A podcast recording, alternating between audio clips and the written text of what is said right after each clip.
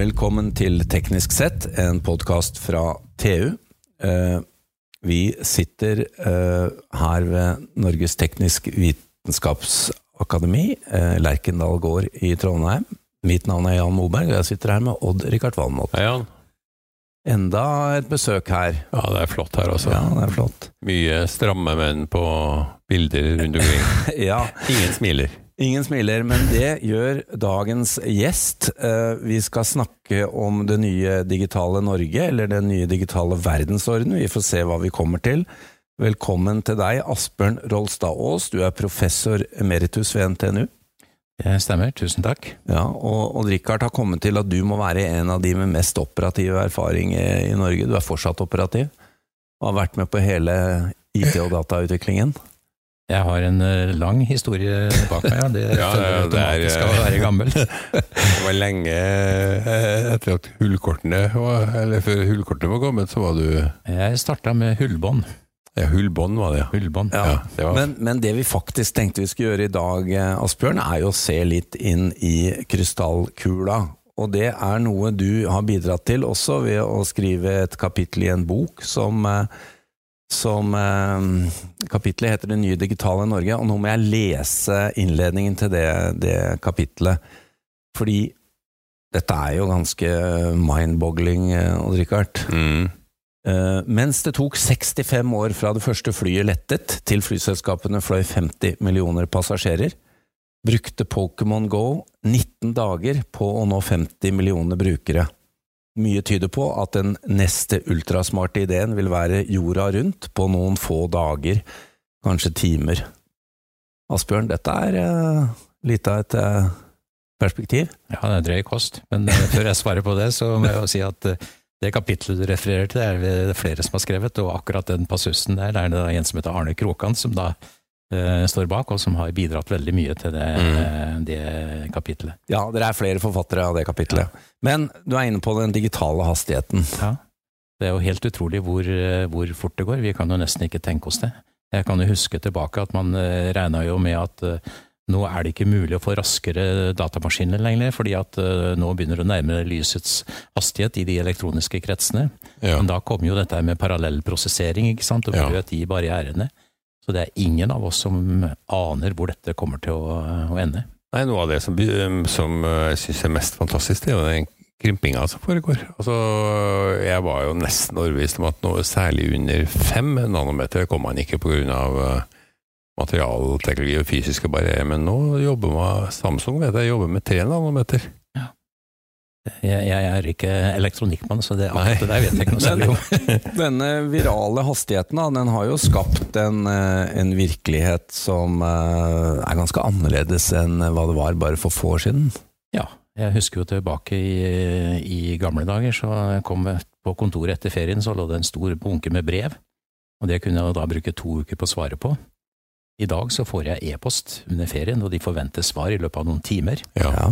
Altså det, vi, vi har liksom brutt ned alle barrierer tid når det gjelder å kommunisere. Vi kommuniserer i mange kanaler, kontinuerlig, dag og natt. Ja, Mm. Avisen er ikke din kilde til verken eh, både innhold eller annonser lenger. Nei, jeg er jo de få som da fortsatt leser eh, pa, pa, pa, papiravis, for jeg syns det, er- det er veldig godt med en kopp kaffe på morgenen, og akkurat det der papiravisa istedenfor for, eh, for skjermen. Men jeg ser jo det at eh, avisene eh, de, de blir digitale. Men det som er problemet, det er jo at eh, folk er ikke villige til å betale for aviser lenger. Nei, vi håper jo at eh, folk er villige til å betale for teknologinyheter, og. Eh, Så, far, so så, good. så langt får vi håpe det. Ja. Men hva, hva du når vi skal se inn i eh, fremtiden, og der har jo du en unik posisjon som har fulgt med så lenge at du kan bruke historien til å tenke litt på hva som skal skje fremover. Hva, hva står vi overfor? Fremtidens arbeidsmarked, jobber? Ja, Vi står jo overfor en total endring. For det første så blir produktbegrepet blir fullstendig annerledes. Jeg er vant til å forholde meg til et fysisk produkt. Ja, I dag er hovedproduktet en tjeneste. I Du stadig kjøper, du kjøper tjenester Ja. hvor produktet inngår i tjenesten. Mm. Leverandører de selger, en del leverandører selger ikke produkter lenger, de selger tjenester som du har bruk for, og så er de ansvarlig for teknologien og det fysiske og det som følger med det.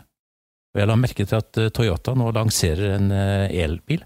Der så jeg annonsen at dette er bilen du ikke skal kjøpe. Ja. Ja, det er bil som du ikke skal eie, du skal kjøre den, du skal bruke den. Og tankegangen er vel at eh, vi deler på biler på samme måte som vi i dag deler på sparkesykler. Ja. Du finner en bil et eller annet sted og taster inn en kode og får en regning på hvor du har kjørt og setter den ifra deg. Ja, jeg tror ikke det tar lang tid før vi ikke finner det engang. Du bare sier at 'nå har jeg behovet', og så finner bilen deg. Ja, det, men altså, dette er jo forretningsmodeller som er ganske nye. Jeg tenker på hvor over, over natta omtrent disse elsparkesyklene dukka opp i hovedstaden. Ja. Eh, Det kom jo som eh, ja, Ikke akkurat julaften på kjerringa, men det kom veldig overraskende på mange. Men det er vel typisk for mange av disse distruptive eh, nyskapningene. De kommer over, over natta. Altså, de finner behov som du visste at du ikke, ikke visste at du hadde. Ja, iPhone er et godt eksempel på, eh, på en sånn utvikling. ja, Ja. på en sånn utvikling. Og det er jo flere av disse her. Og he hele delingsøkonomien er jo basert på det. Se på Uber, er jo også den type produkt. Ja. Og de Mm. kommer ofte og lanserer seg uten Ja. at lovgivningen er klar for det. Ja, det ser jo for eksempel se på Airbnb. Altså det, det, nå er det jo liksom borettslag og sånt, strever jo med da personer som da leier ut, uh, bruker leilighetene sine som, uh, som hotell. Ja. det var jo ikke meningen, ikke sant? Nei. Vi har ikke noe lovgivning som, Nei, som fanger opp det. fanger opp dette her. Altså, hele den teknologien er jo godt i forkant av lovgivningen. Ja. Men det viser jo også en del av utviklingen. Du nevnte iPhone, og etter hva jeg skjønner, dette kan du mye mer om enn meg, Richard, men uh, dette app-universet uh, var jo heller ikke Så ikke for seg hvordan det skulle ta av. Så her, Ikke fra starten, nei. Her er altså selskapene som, uh, som innoverer underveis, plutselig finner de gull da, og går i en helt annen retning enn hva de tenkte. Og Det interessante er jo at det er jo begrepet app som antagelig har skapt det markedet der. Ja. En sånn app, for de som har drevet med dataprogrammering, så vet jo at det er egentlig bare et program. Ja. Og de enkleste av de programmene, de bare leder deg til da en eh, webside hvor du kan foreta ting. Men app har jo blitt et begrep. Ja. Alle har jo nå sine apper. ja, nå kaller de programmer også for apper. Ja, ja. Gått, Ja, eh, Applications. Applications. Ja. Ja, de, gjør, de gjør jo det. Ja. Altså Hvis du ser på, på Microsoft, de har sluttet å De, de, de snakker, om, de snakker ikke om programmer, Nei. de snakker om appene. Ja da. Men hele den utviklingen, da, øh, og, og øh, vi, vi, vet jo ikke helt hva vi står overfor, av hva, hva som kan komme til neste år, eller allerede i høst. Altså, nå tenker ikke jeg på pandemien, det var også en sånn hendelse som, som kom over oss uten at vi var klar for det, og antagelig førte til ytterligere digitalisering. Men, men hvordan skal vi da, med enten vi er ledere eller arbeidstakere eller hvor vi er, hvordan skal vi tenke og forberede oss på dette? Nei, altså det, Løsningen jeg ser, er jo at du må skaffe deg kunnskap om hva dette her er. altså. Og lære, rett og slett. Du må inn i en læremodus. Det blir, eh, det blir som å lære seg å gå når du var baby. Du må Mm. lære deg de nye teknikkene. Og der er jo veldig interessant å se på da min eh, generasjon som er gått opp i årene. ikke sant? Vi ble jo fostra opp eh, med visse virkemidler og hjelpemidler og sånn. Hvis du ser på dagens ungdom, dagens unge, de er jo dataalderen, ikke sant. De er jo vokst, vokst opp med nettbrett og internett og de, de, de, de tingene der. De, De, de, de, for de er det naturlig på en helt annen måte. Vi, jeg har vært gjennom akkurat ja, samme reise. og, og det gjør jo også at de, de behersker jo de teknikkene mye mer. Ja. Sånn I dag så er det jo problemer med å få eldre til å forstå og bruke hjelpemidler. Det er eldre som ikke vil ha smarttelefon, ikke sant? det er eldre som Ja. trenger hjelp til å Mm. komme inn i nettbank og sånne ting. Mange av Mm. De. Ja. Men det er klart at det er, de, de dør ut etter hvert, og de som kommer etter, de har det her i eh, fingrene. Og Det gjør at Ja. du får et helt annet uh, samfunn. Ja, du ser jo stadig debatten om skal vi bruke kontanter. Det er Ja. nesten ingen som bruker kontanter lenger. Nei. Det, det er jo ikke det. Jeg har en 200-lapp som nå har ligget i lommeboka mi i tre år, tror jeg. Uten Ja, akkurat. Du, når du tok ut den en eller annen, du kan sikkert huske det, eller du fikk den Jeg tror jeg fikk den igjen jeg leverte inn et produkt jeg ikke likte. ja, En tjeneste du ikke likte. Nei, men altså, det er jo, eh, det er jo eh, sånn arbeidsplassmessig, da, så er det vel et delt ansvar. Jeg ser at eh, det du og dine medforfattere har vært inne på også, er jo at den digitale transformasjonen også er et lederansvar. Ja. Hva kan vi som ledere gjøre Nei, vi må forholde oss til den eh, nye teknologien og innrette oss etter det og ta eh, grep.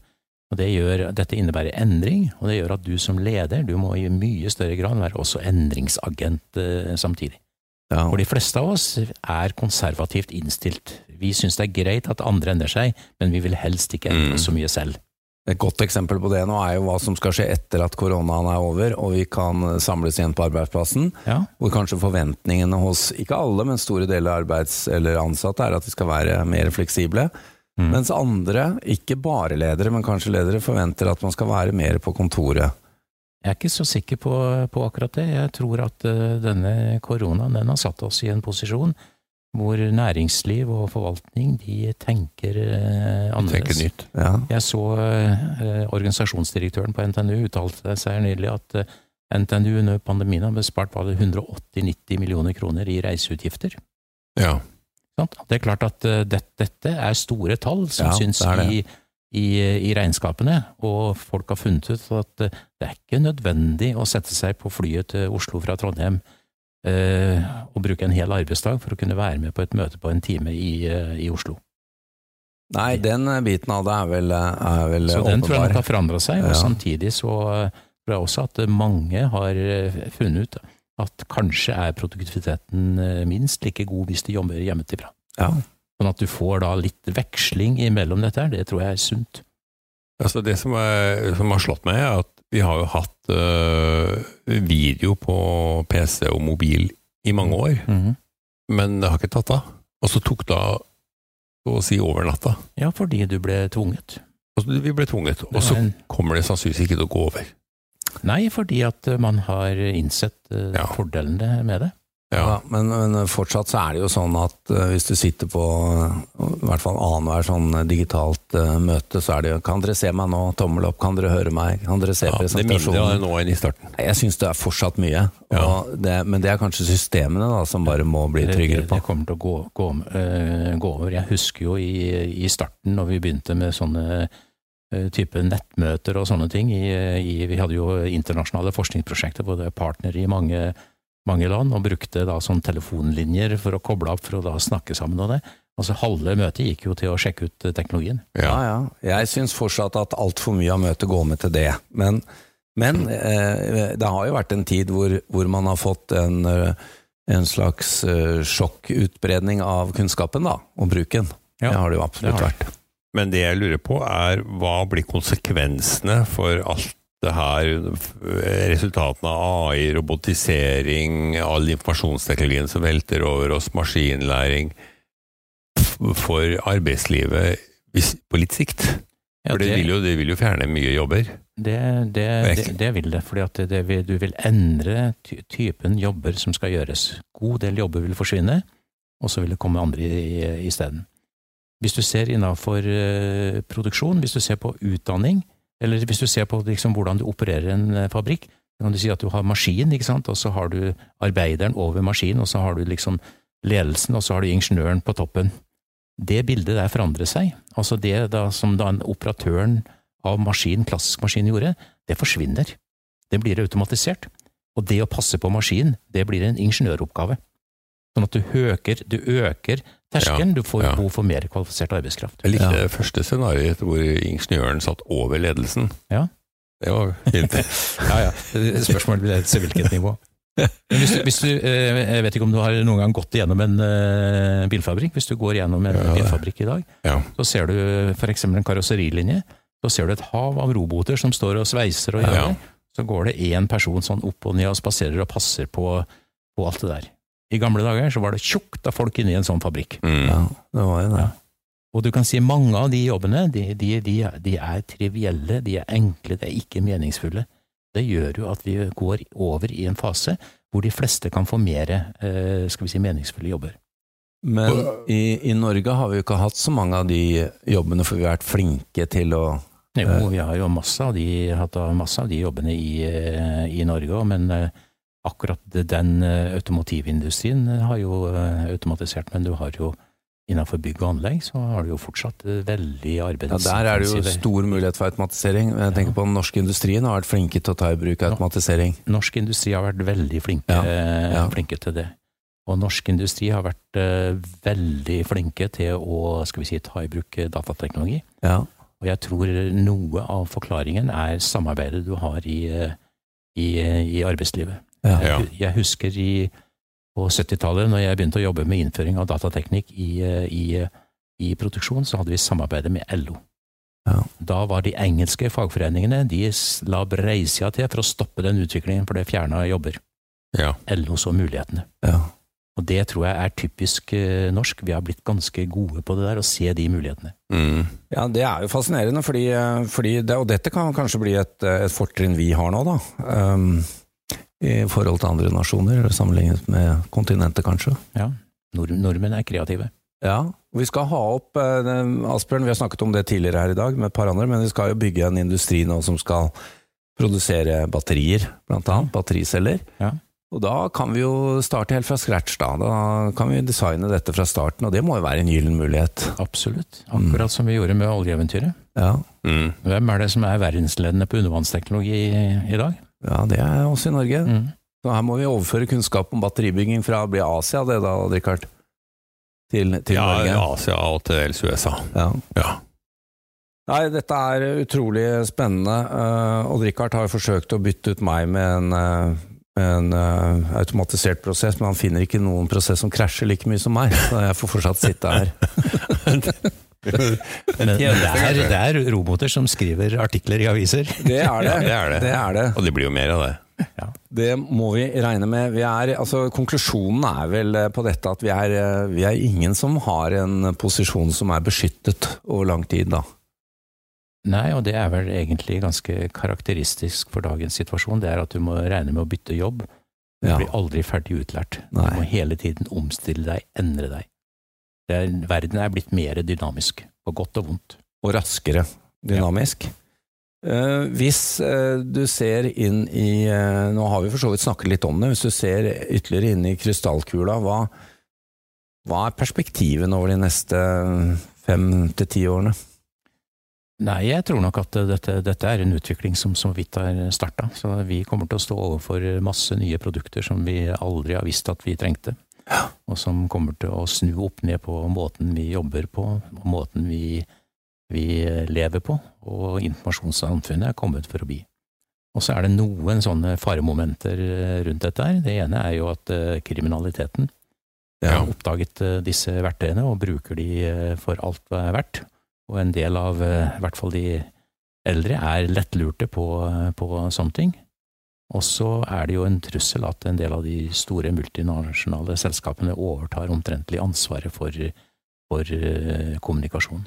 Ja. Da har du et begrep som heter filterbobler, som er eh, lansert, som betyr egentlig at, eh, at disse store selskapene de siler den informasjonen du skal ha, sånn at eh, du får det du opplever som meningsfylt informasjon, og det gjør at du får stadig mer av det du liker, Mm. men du blir utestengt fra de andres eh, synspunkter, og blir dermed mer enspora. Så det er Ja, det har vi sett moment. på Facebook og for den saks skyld Netflix og overalt. Ja, ja. Og Så- så- Og så blir jo noen av disse multinasjonale blir jo så, så store og så dominerende at nasjonalstaten blir litt uh, Får ikke så mye makt lenger, da. Nei. Så det, er, det er skumle tanker, dette her. Eh, avslutningsvis, Asbjørn, vi må spørre deg, fordi Odd og jeg, når vi, når vi skal ha litt sånn rysere og grøsser, så går vi inn på Boston Dynamics og ser på videoen av de eh, robotene de har lagd. Og er liksom tenker, hva med kunstig intelligens og disse robotene sammen? Da, det er også en frykt vi har, da. Ja, jeg deler ikke den, eh, Ah, den, den frykten. Fordi at eh, vi- det er mennesker som lager disse her robotene, og vi ligger stadig på, eh, foran de. Ja, Men det vi aldri klarer å slå robotene på, det er eh, repetisjon Ja. og hastighet. ja. ja. Men det kan vi vri til vår fordel. Det, det var et bra avsluttende ord, Asbjørn Rolstadås. Eh, takk skal du ha. Vi, eh, det er jo så mye mer vi kunne snakke om, det håper jeg vi kan komme, få komme tilbake til. Takk til Odd Rikard Valmot, og mitt navn er Jan Moberg. Dersom du ønsker å konsumere enda mer innhold fra oss i TU.no og digg.no, anbefaler vi at du blir abonnent. Det vil gi deg tilgang til alt vårt innhold innen energi, elektrifisering, forsvar, fly, samferdsel, byggenæring, industri, maritime næringer, karriere og mye, mye mer fra vår kyndige redaksjon. Du vil da også få tilgang til alle sakene Odd Rikard skriver om sine 687 favorittområder. Vi har også egne avtaler for bedriftsabonnement, og som om ikke det var nok, medlemmer av Nito og Tekna for halv pris.